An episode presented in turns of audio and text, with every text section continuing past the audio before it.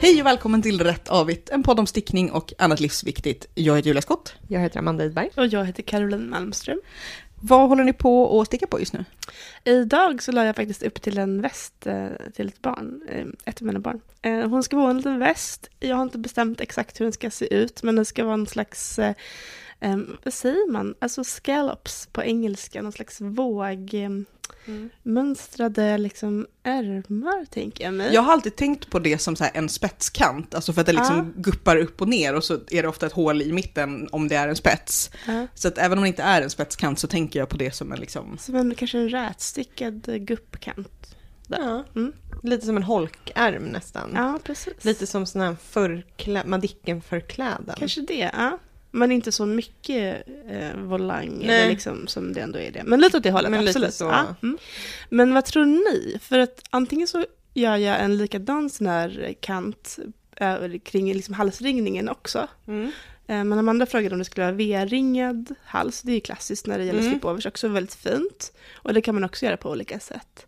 Men jag tänker nog att det kanske är, känns mer naturligt att göra en rundad ringning eftersom det finns de här rundade formerna i kanterna. Då. Mm. Mm. Hur ska nederdelen se ut? Den är bara en liten resår liksom. Ja. Och sen så kommer det vara slätstickad eh, bål. Jag fick en liten vision nu och jag vet inte om det är ni och era bågedetaljer, rosetter. Men jag tänker det skulle vara fint att ha en lite så här, inte jättehög, inte jättelåg rundad ringning som man, med hål i som man kan dra ett, ett band igenom. Mm. För att jag tror att det var Madicken-känslan som gjorde det. Jag tänkte så man har en liten sån här, äh, ja men förklädesärm, spetsdetalj, Mm. att då ha ett litet färgat band igenom. För den var lite så här äh, mullvads... Alltså ja, färgen, Svamp. färgen heter Sandbank och när jag beställde den, det som alla brygor i och skarn, då trodde jag att den var liksom lite så här beigeare med lite rosa, men den är nästan lite, lite så grålila Ja. ju, eller hur? Mm. Men jag tänker att mullvad är grålila. Ja men Mm, du har ja, nog rätt, ja. precis, du har nog rätt. För då Eh, tänker jag att om man har då ett liksom färgglatt men inte neonigt, liksom ett kanske något så blekrosa band i. Mm. Men, Men tanken är väl också, för jag gillar ju festliga kragar på mitt barn också. Så Mm. då skulle man ju kunna ha liksom tröjor eller blusar med festliga kragar som hänger över. Och då vill man ju inte ha en krage på västen. Eller hur? Nej, pre- ja Det blir precis. dubbelkrage då, tycker jag. Precis. Så då kanske du bara vill ha någon slags neutral. Exakt, men vad är neutral då? Bara gör en i-cord. Ja, så har jag också tänkt. Då, men när jag gör i-cords då maskar jag alltid av dem så hårt. Ska du inte bara inte göra det då? Men alltså jag är bara rädd för att hon inte kommer få den över huvudet helt Ja. enkelt. Ja, nej men alltså, det på, på en Då är ju i och för sig V-ringat bättre. m- mer giv i om du är rädd för själva det. huvudet. Annars Mm. tänker jag att man skulle kunna ha bara en rullad kant. Att du bara maskar av i slätstickning och så rullar den ner över sig själv. Mm. För då blir det ganska mjukt för huvudet. Du får en liten kant men som inte syns så mycket men som eh, kragar kan lägga sig. ut då? Nej. Nej. jag gjorde så på min den här gula, du vet, eh, spetstoppen. Mm. Då, det, då har jag gjort så bara. Mm. Det blev jättebra. Mm. Just för att jag inte ville ha en så här stor Nej, precis. eh, kant som tog plats. Ja, men det återstår att se helt Och det är ju, enkelt. det, just en sån eh, rullad kant är också extremt lätt att ändra på om man vill. För det är verkligen Mm. bara att plocka upp av avmaskningen och fix, Mm. göra det man ville göra. Precis. Ja, eh, jag, det är ju mellandagar nu när vi spelar in. Och jag eh, avslutade den här gigantiska pläden. som jag Hur många prickar. Amanda?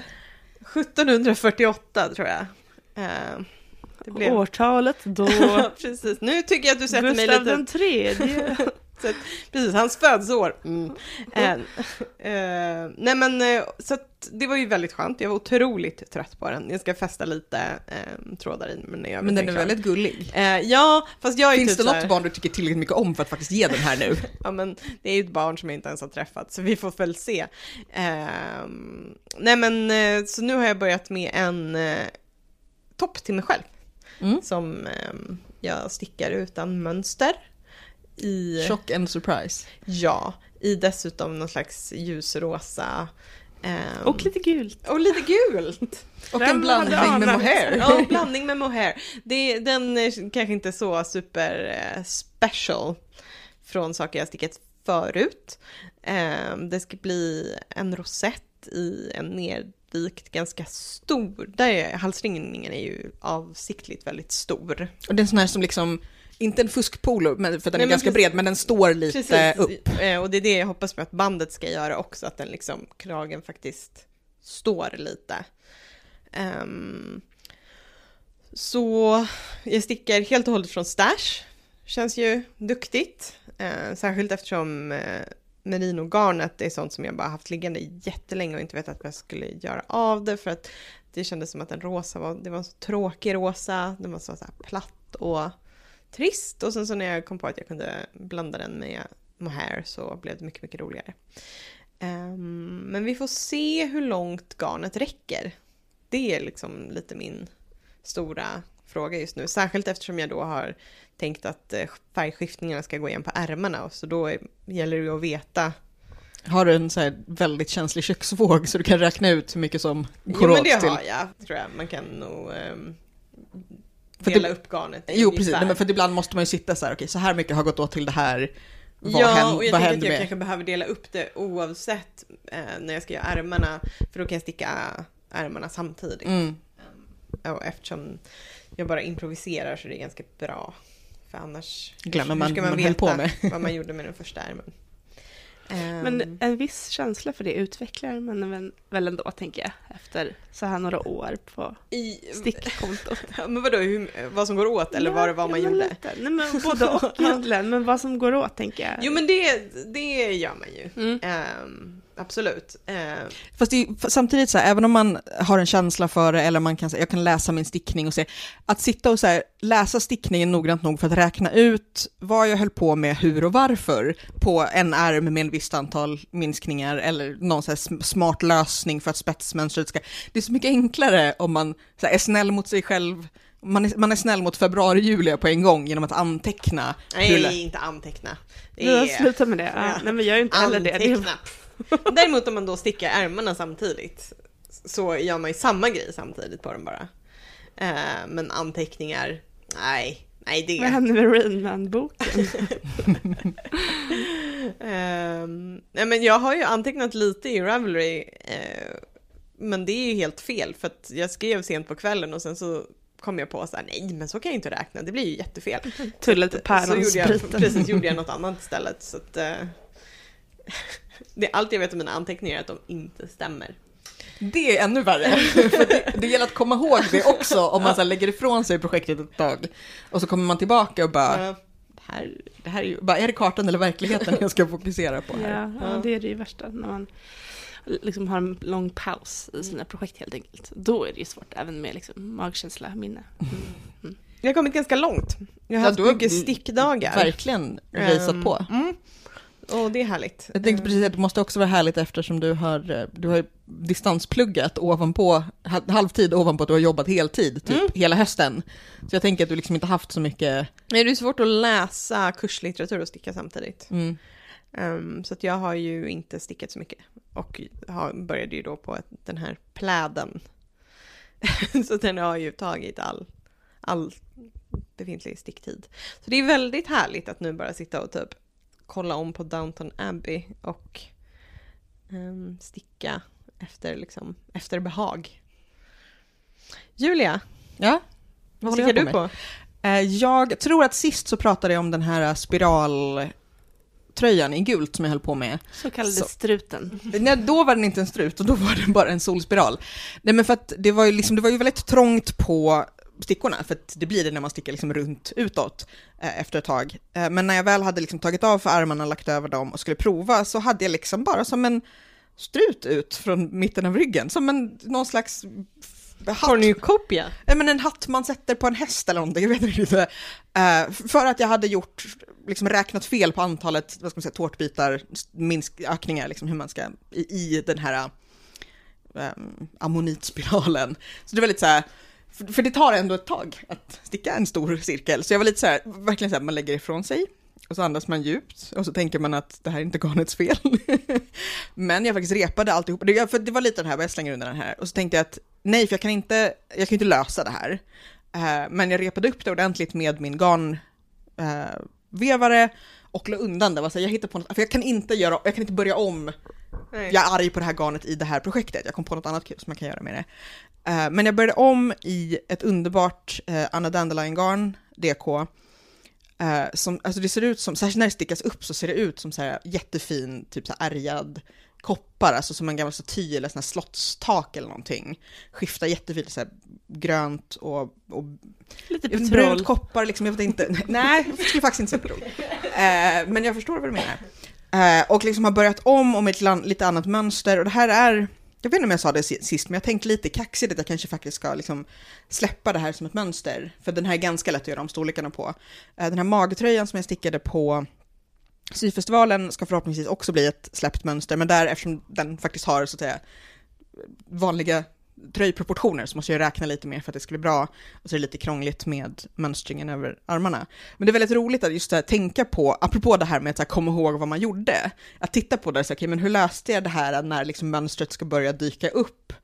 Och finns det något sätt som jag kan förklara det för någon annan också? Och liksom tänka på så här, nej okej, då får jag nog göra om så här så att det blir, så det blir lite, lite mindre snyggt, eller det blir mer snyggt beroende på, men det blir liksom lätt att sätta, alltså sådana grejer jag tänker på, så här, hur, hur förmedlar man den här tanken och den här processen till någon annan?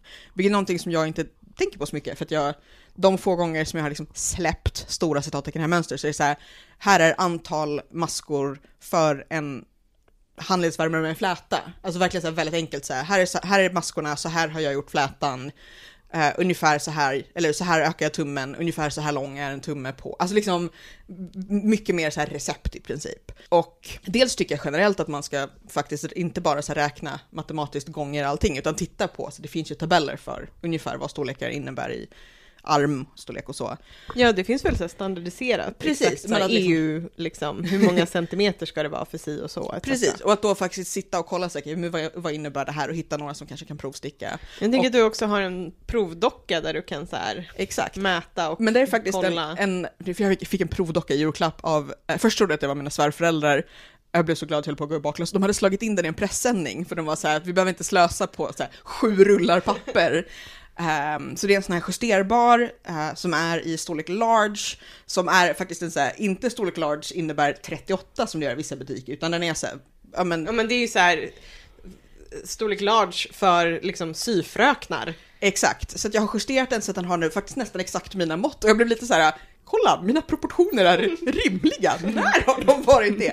Ehm, nej men och, och också lite, för det var ganska roligt, för det har ju diskuterats ganska mycket på, på internet um, senaste månaderna, det här om, om att väldigt många stickmönster som släpps, även betalmönster, eh, utöver att de bara visas på väldigt smala modeller, ofta inte går upp över liksom byststorlek kanske 100 om ens det. Och väldigt många är större än så. Och så har det funnits liksom diskussioner om så här, det är svårt att hitta teststickare eller det är svårt att hitta teststickare som hinner eller som det, det går åt mer garn om man är större. Och jag var lite så här, haha, jag är redan en stor storlek, det är lättare att gradera neråt. För jag kommer liksom inte ha lika långt till att gradera till större storlek. Tjockis points. Ehm, så det, var, det är ganska roligt att fundera på så hur förklarar man och hur men ja, min provdocka är väldigt roligt för jag har börjat sy mer komplicerade saker. Med, jag håller nu på verkligen så här fin, slipar fram en så här grund, um, vad säger man, livstyckemodell i papper med liksom intagningar fram och i bröst och verkligen så här så att den här ska kunna utgå från till allting. Så att nu har jag ett gäng här olika prov, så här vita, så här man, man köper ett gammalt påslakan på, på myrorna som sen får bli sju olika livstycken och sådär.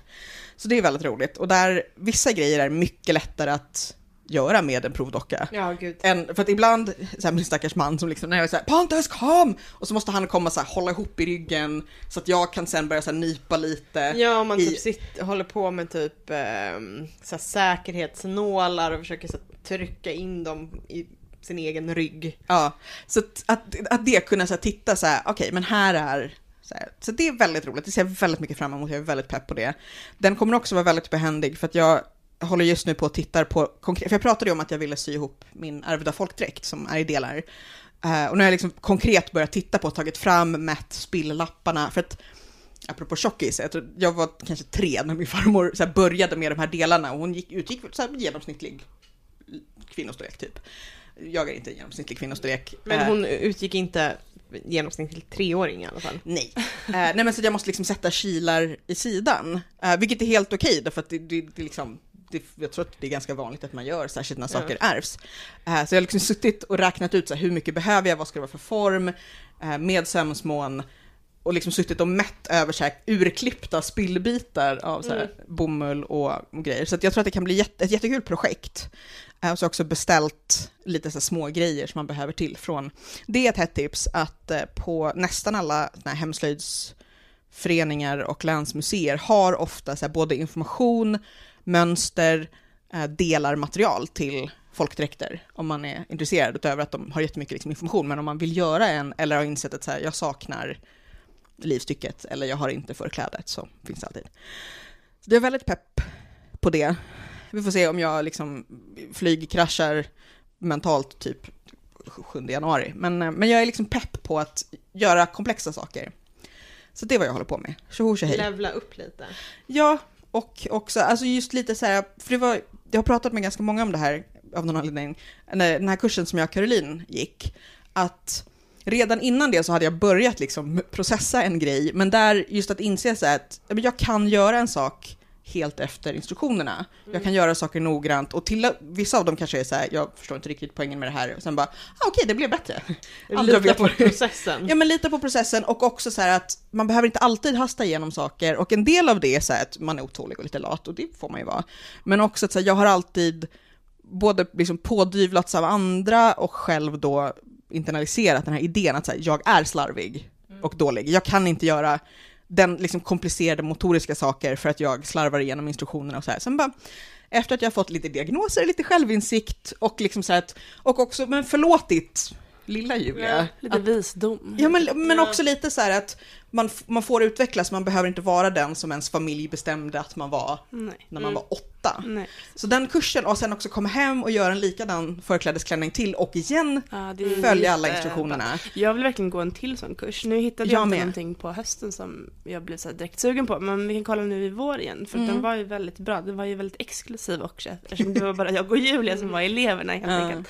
Ehm, så vi borde kolla upp det igen. För att det var så Ja, det var- mysigt och, och kul och det blev bra. och också väldigt så här, tryggt i det här att, så här, att det fanns alltid, man liksom, varje dum fråga när man plötsligt blir så här, jag kan inte se det här i 3D, jag behöver hjälp. Så Mm. antingen så, hon hade ju på sig, läraren hade ju på sig klänningen som hon hade sytt. Ja, Så hon kunde också väldigt enkelt Mm. visa Ja. att liksom så här, jo men det blir så här, jag gör någon slags konstig vänd och vridrörelse Mm. nu. Och då är det så här, aha. Mm. Eh. Och så hjälpte hon ju till ganska Precis. mycket, eller i alla fall mig hjälpte hon också med så små justeringar, alltså när man sen provade den på kroppen liksom, Mm. så det blev ju verkligen bra. Så, det var, så, Så jag har också varit sugen på Ja. någonting till. Ja. Och igen, inte ens någonting som är så komplicerat att man inte kan förstå det, utan bara just att, så här, att ha någon slags trygg liten bubbla, där man bara säger nu är vi här för att göra det här. kakor Vi har, vi har tre och, timmar, de är till för att vi ska prova Mm. och testa och göra Mm. ordentligt och de har alla de här speciella liksom, strykverktygen för att kunna stryka en kurva inifrån. Och bara, här kommer man åt ärmen och liksom. Så och det bra var, maskiner var det verkligen, för det, Mm. min maskin är ju kass liksom. Men ja, att allting bara var färdigt och typ trådat och allt, ja. Så bra.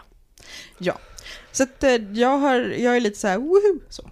Sypepp helt enkelt. Sypepp helt enkelt. Mm, mm. Eh, vi har varit på en utställning idag, apropå pepp. Mm. Vi var på Kungliga slottet. Märtamås Fjät- Fjätterström, heter de väl? Mm. Eh, som då var en, vad säger man, mattkonstnär, textilkonstnär. Mattor var hennes medium liksom. Mm. Ja, Konstnär. Mm. eh, ja, mattor och faktiskt draperier. Alltså det var Ja. ju olika typer Mm. av vävd. Mm. Mm, men vävt och knutet. Ja. Liksom. Mm. Eh, som, när jag läste någon beskrivning om henne, så de pratar om att säga, ja, hennes mattor finns i så här, Nationalmuseum, något stadshus någonstans ute i landet, Louvren och så någonting till så här, Norrköping. Det var så väldigt gulligt att, så här, att hon, hon finns på väldigt många så här, viktiga och kända ställen, eller så här, väldigt många kyrkor har de gjort så här, altar, mattor, beklädnader Mm. till. Mm. Ehm, den här utställningen tror jag pågår i någon månad till. Jag tycker, det, faktiskt, jag tycker definitivt man ska gå och se den om man har möjlighet om man är i Stockholm. Mm.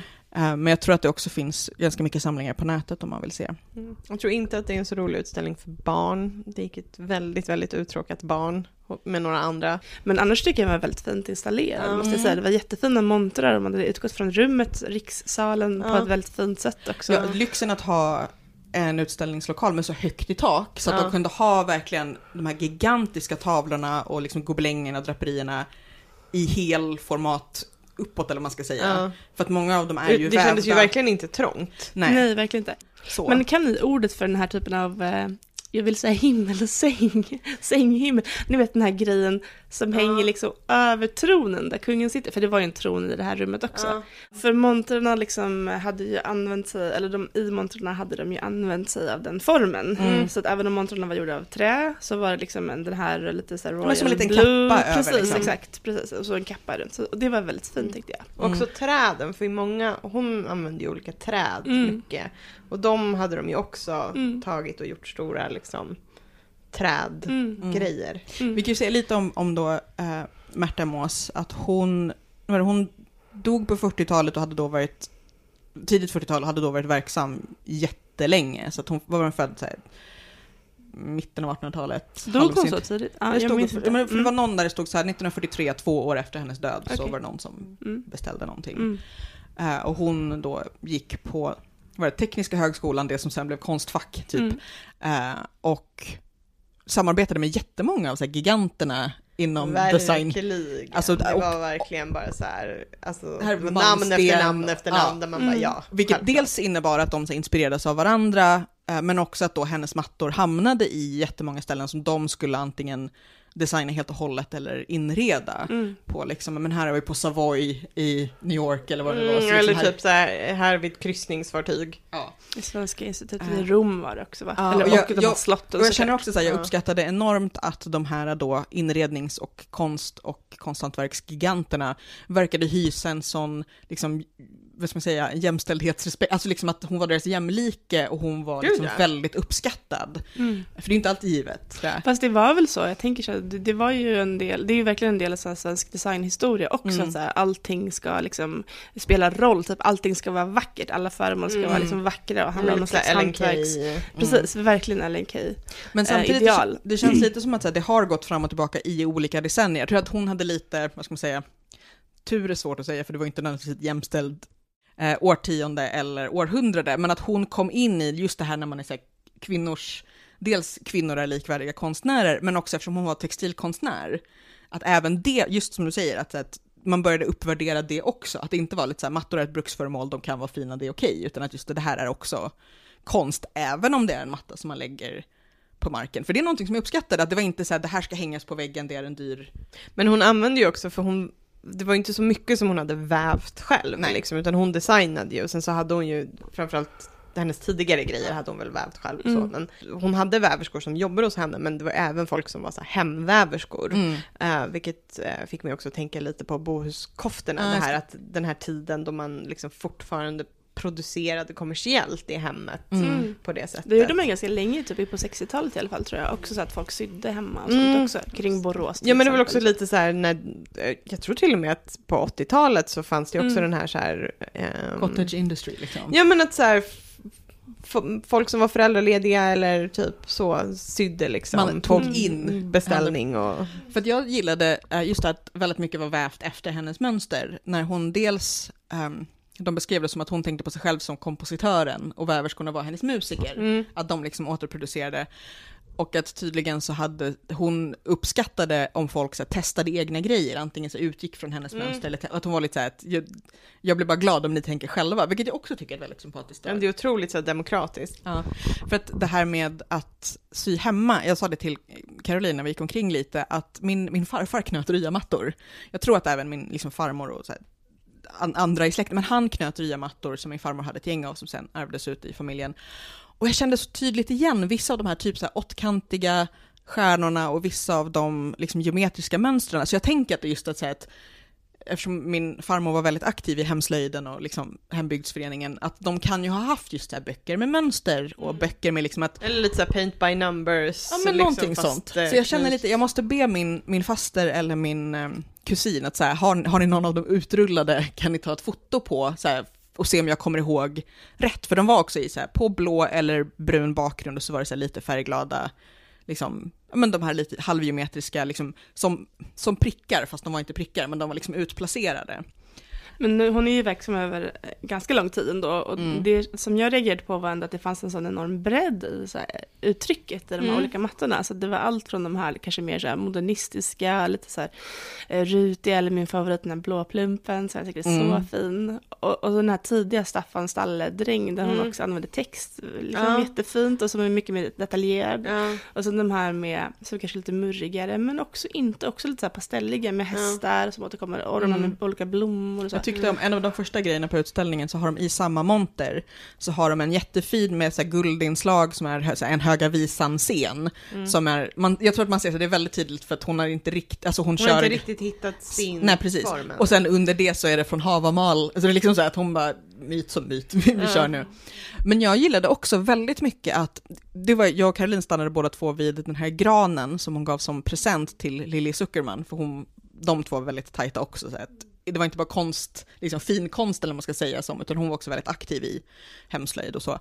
Eh, där, alltså det, jag kan inte riktigt beskriva det, jag måste nästan se om jag kan hitta en bild och eh, länka i, i blogginlägget till det här avsnittet. För det, var så, det, är, det, är, det ser ut som att det blänker, men det är bara gjort med färger. Alltså det, det är inte bara att det är en djup och en rymd, utan det ser liksom någonting med hur hon har Ljus. lekt med Mm. ljus och mörker och så här, att det ser liksom ut som att det är nästan så fuktigt på den här granen. Den det är var så, så, fint. fin. Mm. Och den såg typ inte jag förrän så andra varvet kanske. Jag tyckte den smälte in lite, alltså den var liksom lite för nära färgerna de använt i montrarna som var någon Mm. så här uh, umbra, vinrödaktig liksom på insidan och den här blåa på utsidan. Den smälte in nästan Mm. lite för väl för att den skulle stå ut i början. Men sen så när man tittar på den så är den helt fantastisk Mm. verkligen. Jag gillade verkligen när du var så här, vad var din favorit? Och eftersom jag inte kunde bestämma mig så tog vi ett varv till Precis. och pratade Mm. mer om så här det här. För jag tror att vi båda två såg Mm. nya saker Mm, då. precis. För att då verkligen slog det mig när vi började prata om det, för att det är så här, känt lite så här, det är någonting som jag tänker på nu. Och så insåg jag att vissa av de här mönstringarna, just det att hon var aktiv så himla länge, men ändå för länge sedan. Man är så här, det här skulle kunna vara så här ett, ett eh, så här, IKEA-samarbete, både från 70-talet och idag.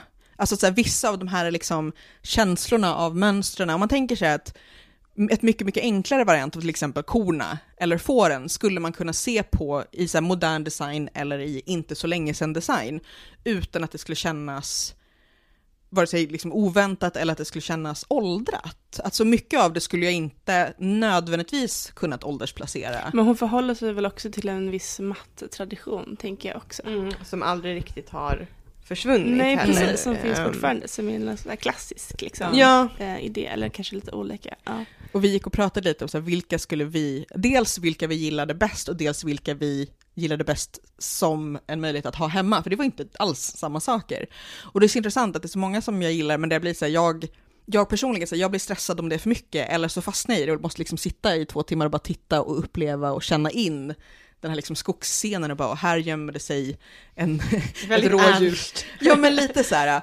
ehm, och det, för det är verkligen, de är ju inte bara så här, och det här är liksom ett konstverk i någon slags, utan de är verkligen så här att man känner att så här är någon som verkligen har suttit och, men hon hade ju målat innan och känt efter och liksom gjort olika versioner.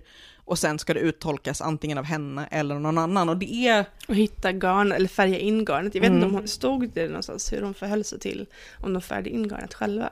Men däremot så, visst var det att det var där, eller var det bara en bild? De här eh, snurrorna. snurrorna, alltså garnvindorna. Ja, de var ju stycken, en ja. del De av får en samma, installation. liksom. Ja. Mm, precis. Som, som en sån här, så här Gröna Lund, som, går, som, som Snurrar på alla Ja, ledder. verkligen. Jag tog en bild på den för jag blev helt så här, det här är ballaste jag har sett. Men jag var ju på Alice Lunds väveri som är ett av de tre som finns kvar, eller som finns i Sverige nu. Det är Ja. ju Märta Mås Wetterström som fortfarande finns och väver upp hennes gamla designer också.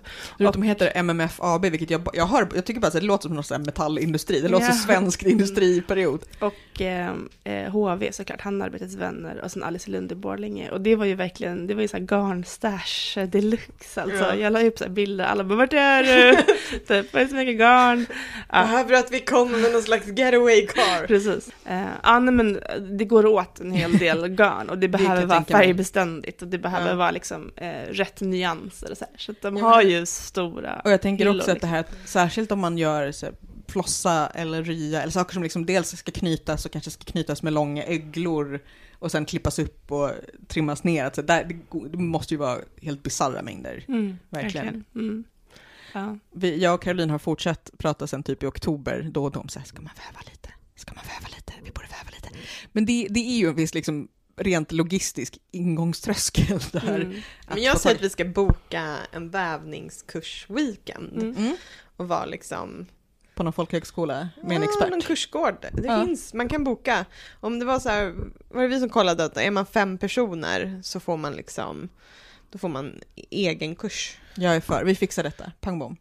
Absolut. Jag ska ju för övrigt, apropå kurs, eh, jag har ju bestämt mig nu att, eh, för jag sökte, jag fick något ryck och sökte ett gäng så här, kurser, såna här universitetskurser, mest på distans. Um, och De den- kan ta tiden då vill jag bara förvarna om. Jo, jo, men jag, jag menar med så att, så att, att eh, men mest så här, inte nödvändigtvis distans, utan så här, framförallt att de var deltid, så här, på halv eller framförallt så här, kvarts och tredjedels fart. Ehm, några av de som jag var mest intresserad av ehm, blev inställda och så blev jag reserv, men jag fick en plats på ehm, vad kallar man det för, skapande arbete med ull.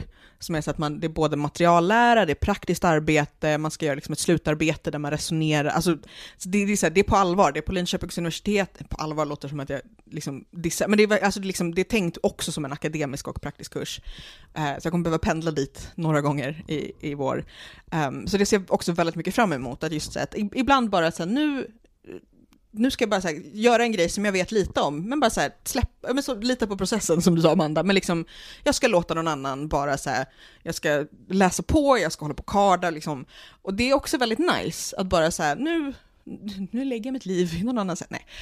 Um, så det, och det är kul, för att man kan lära sig jättemycket själv, och man kan liksom prova på, men ibland att just så här, nej, nu, nu ska vi ha en helgkurs och bara så här intensiv nöta. Ja men just så här om man skulle gå och lära sig väva, där är ju den stora grejen att det är väldigt svårt att köpa en vävstol, sätta upp väven Mm. och göra något vettigt liksom. Ehm, Eller köpa den är jättelätt för alla försöker bli av med vävstolar, men, men att Jo, få till men någonting liksom, sen. köpa något som faktiskt är det du sen behöver. Som Ja. kan, alltså det är otroligt mycket kunskap fram tills att du faktiskt Och som kommer är större än igång ett vanligt badrum. och, och bara väver. ja.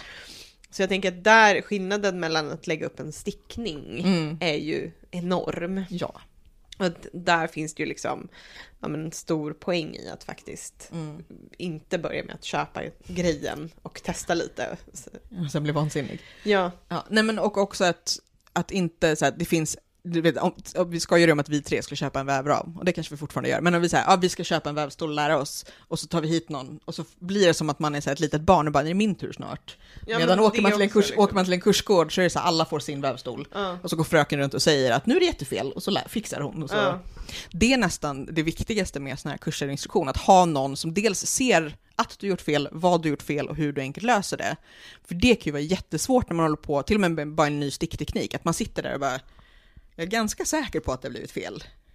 Mm. Jag har inget sätt att räkna ut, eh, okej, med stickning kanske man kan, men med mycket annat kan man väl säga, någonting är, jag har inte förstått hur jag skulle sätta ihop det här, jag har gjort det i fel ordning, eller så har jag gjort det i rätt ordning men gjort något annat fel. Medan om någon kommer bara, du, igen, titta på min klänning så här och bara, ja. Mm. Om någon säger så här, du har gjort det här bara från höger till vänster istället för från vänster till höger. Då vet man det och så kan man, behöver man, inte, kan man göra ett helt nytt fel Mm. nästa gång. En sak som jag tänkte på också i utställningen, em, det var ju eh, hennes skisser. Det var inte jättemånga, men det var ju några skisser Ja. som Mm. var med ändå. Och som så i den här lilla shoppen hade de också tryckt upp här skisserna som en bricka eller som pappersservetter eller sådär. Men jag, tänk, jag tänkte på det att när man gör sådär på så stora och tidskrävande projekt, alltså till traditionen hör ju såklart att de gjorde ordentliga skisser där Ja. också färglära var en jätteviktig del. Em, vad tänker ni, kan man lära sig någonting av det? Att planera lite. Ja, men brukar, hur, hur liksom brukar ni så här skissa era em, typ stickprojekt liksom? Ibland gör jag faktiskt det. Eh, mest för att när så här, inspirationen infaller sig så är det oftast inte När du har tid. när jag sitter med en stickning utan man kanske, kanske sitter på jobbet och funderar på något eller man sitter liksom och gör något annat. Så mina skisser är oftast gjorda i så här typ. Whiteboardpenna på rutigt papper. Alltså det är verkligen så här, ehm, ja men den typen av liksom skiss eh, som inte är tydligt. Eh, ja men, jag har inte använt rätt färger eller liksom, det är inte säkert proportionerna är liksom helt rätt utan Det är inte en ritning utan det är det är mer som så här, okej, stora citattecken här, en modeskiss liksom. Mm. Det, den ska mer så här förmedla för mig känslan som inspirationen har gett mig. Mm. Eh, och sen så kan jag, kanske jag gör mer, om jag ska göra färgarbeten, eh, då kanske jag gör verkligen, ta fram millimeterpappret och tuschpennor i olika färger Mm. för att rita upp så här, hur blir det här? Mm. Så brukar jag också göra, fast typ i Excel kanske. Ja. Så. Men de gånger som jag har försökt göra så här, eh, ja men snabba men ändå liksom ambitiösa skisser, så har jag alltid blivit så besviken på skisserna. Så det känns som att jag liksom tänker bättre genom att bara sticka och liksom. Ja. Och färger väljer man ju genom att lägga dem bredvid varandra förstås, Ja. garnnystan. Nej men jag, jag skissar en hel del, eh, vissa stickprojekt, just när man är, alltså när det är någonting som inte, alltså någonting som är lite mer komplicerat, när jag försöker lite så här reda ut för mig själv vad det är jag tycker att jag ser för mitt inre öga, så här, vad är det egentligen jag tänker på och funderar lite på proportioner och sådär. Med sömnad igen, så att när det är lite mer komplexa projekt, så dels så kan jag så här, skissa upp hur vill jag att liksom, det färdiga projektet ska se ut, och sen kanske också gå in och så här rita lite med streck och grejer och sen kanske till och med försöka rita isär de olika delarna. Vad är det jag tänker mig? Hur skulle det här faktiskt konstrueras? Lite som någon slags här, eh, dokumentär eller sci-fi grej där så här, saken sprängs isär i alla sina beståndsdelar så ser man så här, här är de två delarna som ärmkullen är gjord av, eller någonting sånt. Ehm, för Men- att kunna förstå för mig själv hur jag, om jag inte använder liksom köpta mönster eller instruktioner, vilket jag inte alltid gör, eller ibland liksom utgår jag från någon grej i dem. Och att just vara lite så här att, men här är så här, det här midjepartiet, hur går det ihop med både framsida och baksida, för det kommer se olika ut, har jag tänkt rätt? Och så kanske jag tittar på lite bilder på nätet och bara, nej men jag har tänkt, jag, jag förstår inte alls hur en hängselkjol sitter ihop, jag har bara tänkt lite för fritt. Och just det när man då tar isär det i beståndsdelarna för att kunna tänka så här, hur ska det här monteras ihop? Hur kommer det se ut när det monteras ihop? Eh, kommer jag behöva limma för att det ska bli som jag har tänkt mig? Då kanske jag måste tänka, tänka om. Att just så här, liksom få ut ur huvudet, både för att konkretisera vad är det egentligen jag föreställer mig, Ja. Nej, men jag men de förstår så här, det här ska vara något swishy liksom. Men eller? får de skissarna också något slags konstnärligt värde för dig? Sparar du dem på något sätt? Eller vad händer med dem sen? Ehm, Jag tänkte att jag kan visa eh, där jag liksom, här det. är så här Mm. skissen på min uh, jultröja. Den är väldigt lik. Eh, ja, men den är, den är gjord på mitt... eh, Innan du stickade. Den är gjord i min eh, jobbkalender. eh, med över den, whiteboardpenna. Eh, den finns på, om man går in på min Ravelry så, så finns det. Eh, så kan man se liksom vad jag, jag utgick ifrån. Drömmen och verkligheten. Sen så kommer nästa bild och då är det liksom i millimeterpapper där jag liksom räknat och tittat på olika liksom mönsterrapporter som jag faktiskt kan sticka. Och sen så liksom hur tröjan blev på slutet. Mm. Och vart är skissen nu? Eh, ja, alltså dels har jag ju dokumenterat det i Ravelry-grejen. Eh, jag tror inte att originalskissen på tröjan finns kvar, för den slängde jag väl när jag slutade på Mm. mitt jobb eller när eh, almanackan var liksom klar. Mm. Ehm, Men den finns ju kvar genom Ravelry. ja, det känns ändå som att, att fota av den eh, räcker gott för Mm. min egen liksom, Och dokumentation. även för framtida historiker som bara, nu ska vi titta på Ja. Nej men det alltså, vissa grejer sparar jag ju för att så här, de är i ett block där jag sparar massa olika sorters kladd och planer för alla möjliga saker, typ, jag vet inte, hitta på mat eller grejer jag vill göra och sådär. Men generellt är det just så här, eftersom det mest är lite så här ett led i processen, så kanske jag skulle spara sånt som är liksom, ja men lite så här halvvägs in i det som Amanda visade, liksom, att man kanske sparar, för att säga att du verkligen bara hade ritat snabbt och säga, jag tänker mig, alltså verkligen snabbt nedklottrat, de nivåerna skulle jag inte sparat. Kanske den där du faktiskt har liksom ritat tröjan så att man ser lite mer konkret vad det är, för att det kan vara kul att ha kvar. Men då skulle jag nog ändå fota och spara digitalt, därför att det känns... Men, här, ibland kan det bli bra att så här, jag har fotat av den så jag kan visa någon annan vad jag menar. Eh, och jag kan tänka mig att det också är nice om man, om man till exempel vill dela med sig av ett enkelt mönster till någon annan, att kunna visa så här, men det här går från det här hållet, eller den här är tänkt att um, de här, de här, det här mönstret, mönsterrapporten ska vara mycket högre än nästa, för den ska ta mer plats, eller någonting. Ehm, vi, vi om några vet ju hur svårt det kan vara att beskriva ett mönster som man har i sitt huvud, till och med om man har sett det på riktigt. Mm. Så då kan det vara bra att kunna lite, så här, illustrera lite. Precis, men jag känner mig så här för egen del så pass så här trygg på de här, vision, de här inre visionerna att jag typ inte behöver skissa ner dem. Liksom. Jag har så mycket hittepå i mitt huvud att ibland måste jag skissa ner det, nästan så här, du vet, man ligger och somnar och bara, jag måste skriva ner det här för att annars kommer jag inte komma ihåg det imorgon bitti. Nej. Så att ibland känns det bara tryggast att så här, antingen så här, en snabb beskriven bara så här, Mm. en volang någonting, eller att så här, rita av, för att men det, det är så mycket som så här, svävar genom mitt huvud, så att någon, någon proton måste slå in i någon annan proton igen på samma sätt. Så då kan det vara tryggare att... Jag kan behöva skissa ner saker för att sluta tänka på dem. Alltså att jag kan verkligen bli så lite besatt. ut dem ur... Precis, besatt av att tänka på det och, och då behöver jag på något sätt, ja, men precis som du säger, så här, få ut det ur huvudet. Så att jag vet att så här, nu finns det här och nu har jag ändå på något sätt konkretiserat den här idén. Eh, Så att jag kan typ gå tillbaka till det här mötet eller, eller liksom så här, tänka på något annat, släppa det. Mm. För att jag kan bli för, ja, för inspirerad av det, bara att sitta och tänka på det. Mm.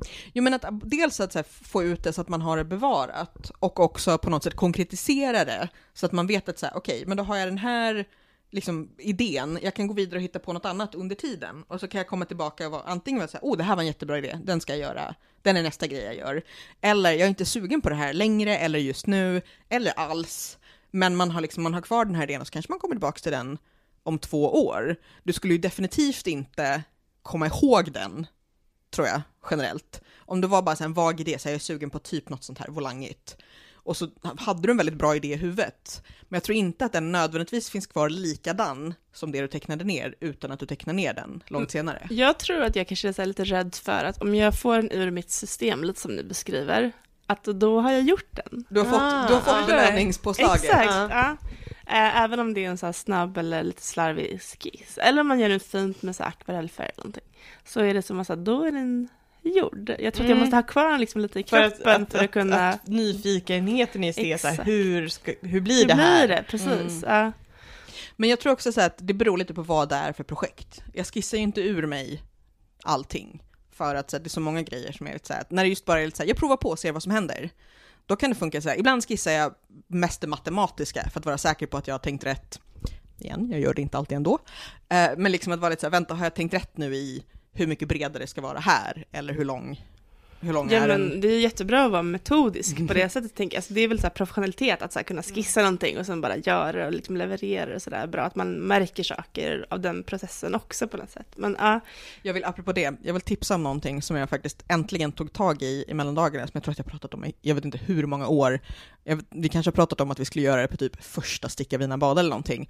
Jag ritade av mig själv framifrån, eller inte mig själv, jag ritade en enkel figur framifrån och bakifrån och så markerade jag ut alla mått man kan tänka sig vilja ha och några till. Verkligen så här, hur långt är det härifrån och hit, runt här, allting. Och så Okej, bad jag på, frenologi. jag skulle precis säga Herman Lundborg. Eh, och sen bad jag Pontus bara mäta det. Dels för att, så att jag skulle göra allting på en gång, för jag oftast är så här, jag mäter det jag behöver för stunden, och så antecknar jag ner det verkligen på ett papper som försvinner, och, och sen har jag ingen koll på det. Men också det är så många bitar av en själv som är jättesvåra att mäta, dels överhuvudtaget, dels så att det blir rätt. Så då gjorde jag verkligen så att, ja, men i, i min iPad så liksom ritade jag av, markerade verkligen alla möjliga mått. Eh, både sådana som är bra för stickning, för eh, för sömnad, även så här, köpa kläder. För att ibland man ska komma ihåg eller gissa ett mått på sig själv. Det kan bli väldigt roligt.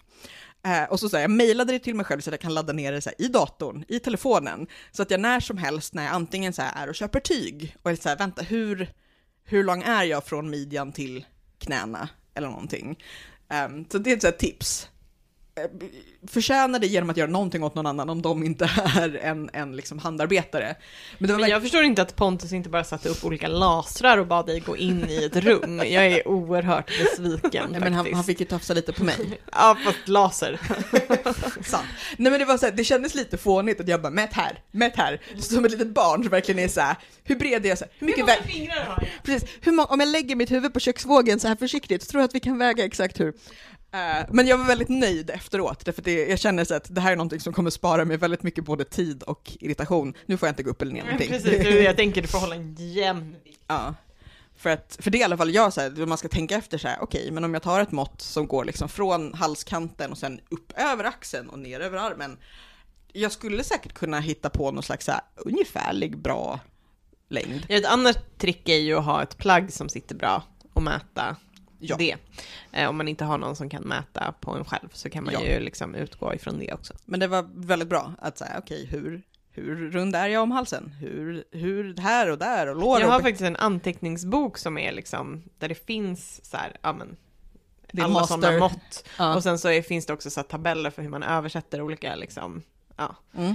eh, måtttyper och storlekar och liksom allt Mm, sånt. ja, men det är smart. Kunna... Nej men det är så att om man inte känner något behov av det, men jag kände så här, just i stunden att det inte var så här, åh nu måste jag hitta måttbandet igen för jag minns inte. Eller för den delen, i det här plagget så ber de om ett mått som jag aldrig har mätt mig. Och att till exempel själv kunna ta måttet så här, mellan axelsömmar över eh, ryggen i liksom den höjden. Så att du kan nog typ få till det själv, förhoppningsvis, men det kommer vara några centimeter hit eller dit. Så det var väldigt så här, jag känner mig extremt duktig efter att det var gjort. Vad tänker ni börja det nya året med att sticka? Vad, vad är ni liksom sugna på att sätta igång med? Inte så här, här är mina planer för hela 2020. Men vad ser ni fram emot att sticka nu? Mer saker i mohair eller angora tror jag. Mm. Ja, jag la ju precis upp eh, till en väst, så jag är lite sugen på västar talat. Jag berättade ju för er om den här eh, brittisk-ryska eh, typ grevinnan Alexandra Tolstoj som jag följer på Instagram med Alltså det nöje. låter otroligt taget namnet. Ja, men Jag ja, hoppas ju att det egentligen bara är någon slags så här extremt nya oligarkpengar. men hon är släkt med författaren på något sätt. Trivia, Tolstoj betyder tjock. Men hon, hennes barn går på fäktning. Samt hon borde heta Tolstaja, men Och hon lär dem brodera, de har en jättefin stuga, alltså nu vet någon sån där sten, lyxstuga Ja. liksom. En liten cottage. Verkligen. Och en lägenhet i med London. 22 rum. Och hon klär sina tre barn i fantastiska Fair Isle-västar. Som att de vore typ prinsar. eller Som en någonting. person som har frusit ihjäl i Cambridge den senaste tiden så kan jag ändå tänka mig att en Fair Isle-väst värmer rätt bra. Mm. Så jag tänker att mitt stora barn, mitt lilla barn, hon ska få en sån här eh, volangväst, eller vad kallar vi den för? Ja, och mitt andra barn ska få en Fair Isle-väst. Mm. Och då behöver jag nog köpa nytt garn. Kan du inte sticka in en board med små ugglor i den? Det borde jag göra, eller hur? Ja. Ja. Men hur stiliserar man ugglor på ett bra sätt? Det Alltså- inte bli för stora, inte för så här hönsestrickigt. utan- Nej. Jag har sett ganska fina korsstygnsbroderade ugglor. Så Så jag tänker små. att, ja, ganska små. För jag tänker att där, Det kan man ju göra. ja för då kan man, man kan ju bara brodera dit ögonstygnen liksom. Mm. Just det. Ja, och någon slags lite så här beige kamelfärg. Ja, det kommer bli jättefint. Om det blir av. Jag är sugen på, det är som sagt också en väst, eh, men jag är också sugen på att faktiskt sticka en, ja men någon slags här topp, alltså liksom en, en så här tunnare, Raffig. lösare, nej, Tutt-topp. men någon mer så här, men liksom t-shirt i ett linnet, liksom en liten vår, Lite sommar. vårkänsla. Ja, Ja. ja, jag drömmer om Innan nyår. Samtidigt, samtidigt så eh, Pontus fick i julklapp eh, raggsockor och stickor från ett garn som vi köpte i Wien på en väldigt trevlig garnaffär. Jag kan länka till den, mycket rar. Um, för det var verkligen så här, det är kallt hemma, det här är ingen kul längre. Eh, men det är väldigt trevligt också just i mellandagarna man kan så här, sitta och titta på massa tv-serier och sticka länge och inte så här, okej, nu finns det liksom en timme mellan middag och att vi somnar då Mm. vi hinner Ja, göra men- någonting. Liksom. Jag har ju haft ett generellt sett ganska kast eh, stickår. Jag har ju typ inte ens orkat uppdatera Ravelry. Eh, och så här lagt av typ vartannat projekt minst för att jag har tappat peppen totalt liksom. Så att jag um, blev också glad över mellandagarna och att jag faktiskt hade lite tid och kraft att sticka klart en tröja. Det är också vi, för vi, eh, efter utställningen så satte vi oss och så fikade och stickade lite. Och var så här, just det, det här är ju jättetrevligt. Mm. Att man också kan så här, försöka hitta bara så att man behöver liksom inte göra en hel dag av det nödvändigtvis, utan man kan säga, vi tar antingen en bulle ute eller hemma hos någon, dricker lite kaffe, som en paus i liksom Mm. helgstöket, eller på en torsdag bara. Mm. För att det, är- igen, det är så lätt att glömma bort det, så det krävs inte så mycket för att göra någonting som är precis lagom trevligt. Jag tror att den här nyårsstickningen är liksom en ny tradition. Ja. Ja. En gång om året träffas vi, vare sig vi vill eller inte. ja, nej, men vi, jag tror att vi allihopa rekommenderar att antingen gå på den här utställningen om ni hinner, annars läsa på Märtamås. Uh, Eller Instagramkontot, för det är jättefint. Där lägger de ju upp liksom och jag misstänker att. Om det inte går att köpa katalogen på slottets hemsida, vilket jag räknar med att det gör, så kan Eller man säkert ja, låna någon fin bok på biblioteket eller någonting. Mm. Eh, vi är tillbaka någon gång under 2020. Ja, Ja, eh, vi önskar gott nytt år, trevlig stickning och eh, ta det inte på så stort allvar. Hej då! Hej då!